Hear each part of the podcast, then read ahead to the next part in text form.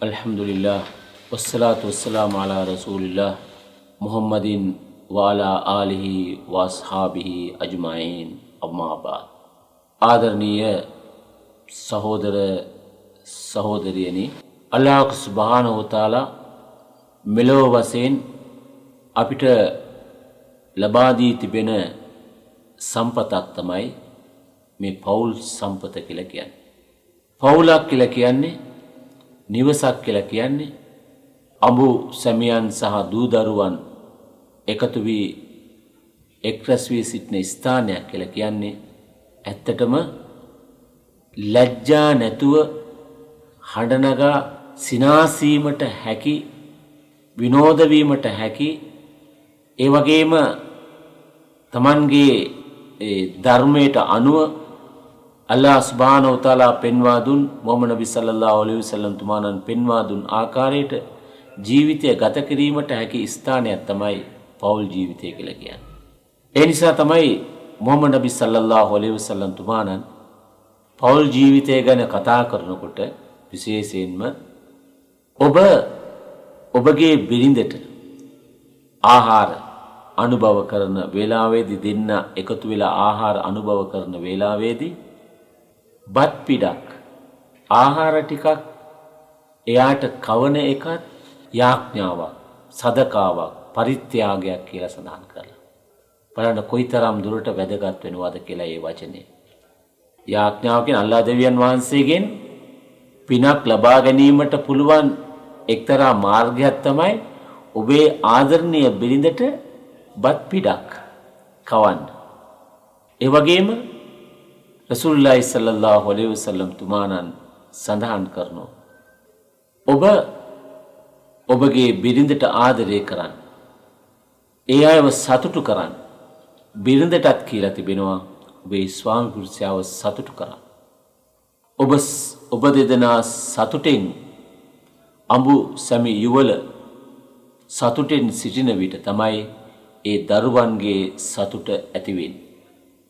අද එනිසා පවුල් ජීවිතය කියල කියන ඉතාමත්ම වැදගත් ජීවිතයේ වැදගත් සන්ධිස්ථානය. එ දෙගොල්ලටම වගකීමත් තිබෙනවා. රසුල්ලා ඉසල්له හොලේ වසල්ලම් තුමානන් සඳහන් කරලා තිබෙනවා කුල්ලුකොම් මස් ඕලුන් අන්ට අයති. ඒ හැම දෙනාම වගකීම් යුතුකම් ඉටු කරන්නට ඕන. කොහොමද ඒ යුතුකම් ඉටු කරන්න. බිරිඳට තිබෙන යුතුකම් මොනවාද ස්වාමිපුරුෂයා කරෙහි ස්වාමිපුරුෂයාට තිබෙන යුතුකම් මොනවාද බිරිඳ කරෙහි ඒවා අපි හරියට හඳුනා ගන්නට. රසුල්ලයි සල්ලල්له හොලෙවසල්ලම් තුමානන් සඳහන් කරනු විශේෂයෙන්ම මම ඔබලා අතුරින් මගේ පවුලට ඉතාමත්ම ශ්‍රේෂ්ඨවන්තයා. එනිසා ඔබලා අතුරින් ශ්‍රේෂ්ඨවන්තයා කවුද පවුලේ උදවිට බිරිඳට හොඳ ස්වාමිපුරුෂයක් පුරුෂයෙක් වෙන්න බිරිඳට හොඳ ස්වාමිපුරුෂයෙක් වුණාම ඒ තැනැත්තා අනිත් අයටත් හොඳ පුද්ගලයෙක් බවට පත්වෙනවාට කිසිම සැකයක් නෑ. එතකොට මුල හැදෙන්ට ඕනන්නේ මොකද අපි වාක් වෙලාවට සිංහලයෙන් වචනයක් තිබෙනවා කතාව දෝලාවෙන් ගමන පයින් කියලා.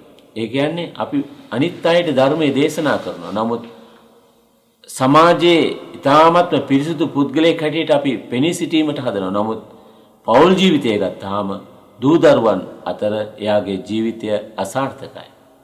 අද ඒ නිසා තමයි රසුල්ලාහි සල්ලල්ලාහු අලයිහි වසල්ලම් තුමාණන් සඳහන් කළේ ලකද රසුල්ලාහි සල්ලල්ලාහු අලයිහි වසල්ලම් තුමාණන් ගැන අල්ලාහ් සුබ්හානහු තාලා සඳහන් කළේ ලකද කාන ලකුම් පී රසූලුල්ලාහි උස්වතුන් හසන. රසුල්ලාහි සල්ලල්ලාහු අලයිහි වසල්ලම් තුමාණන්ගේ ජීවිතයේ උබලාට ගත හැකි ආදර්ශයන් තිබෙනවා කියලා. මොහමඩ නබි සල්ලල්ලාහු අලයිහි වසල්ලම් තුමාණන් පෞල් ජීවිතයක් ගත කරනකොට එතුමාගේ අඹුවන් බිරිඳවරුන් විවිධ සමාජයේ සමාජ විවිධ මට්ටමට අයත් ඒ කාන්තාවන් සමග තමයි එතුමා විවාහ වුණේ. විවාහ වුණේ විශේෂයෙන්ම මොහමඩ නබි සල්ලල්ලාහු අලයිහි වසල්ලම් තුමාණන් බොහෝ වෙලාවට එතුමාගේ වයස අවුරුදු 25 සිට එතුමාගේ වයස 53 දක්වා එක කාන්තාවක් සමග තමයි එයා පවුල් කෑවේ. හදිජා රලියල්ලා වන්හා තුමිය සමඟ. හදිජා රලියල්ලා වන්හා තුමිය සමඟ විවාහ ජීවිතය ගත කිරීමේදී හදිජා රලියල්ලා වන්හා තුමිය කොයි තරම් දුරට එතුමාට සහයෝගය ලබා දුන්නාද. විශේෂයෙන්ම මොම නබි සල්ලල්ලා වලිවිසල්ලම් තුමානන්ට නබිත්වය ලැබෙන්නේ කදිජා ලියල්ලාහන්හාතුමිය සමඟ එතුමා එතුමා ස්වාමිපුරුසයෙක් වසයෙන් ගත කළ කාලය තුළ තමයි එතුමාට නබිත්වේ ලැබේ. රසුල්ලයි සල්ලල්ලා හොලේවසල්ලම් තුමානන් බොහෝ අවස්ථාවන් වලදී සමාජයේ විවිධ තාඩන පීඩනවලට ලක්විච්ච අවස්ථාවේදී. රසුල්ලයි සල්ලල්ලා හොලිවිසල්ලම් තුමානන්ට එතුමාගේ භාර්යාවන් සහයෝගී ලබා දුන්න. සැනසීම ලබා දුන්න. ඉවසීමට මඟ පාදා දුන්න. අන එනිසා අපි ස්වාමි පුරුෂයා කියන ඒ සම්බන්ධතාවය ලස්සන්ට ශක්තිමත් කිරීමට අපි උත්සාහ කරන්නට ඕන. ස්පානකල්ලාම ඔබිහම්දික ශහදු අල්ලා ඉලහ ඉල්ලා අත්තාස්ථාපය පොත් පිළි.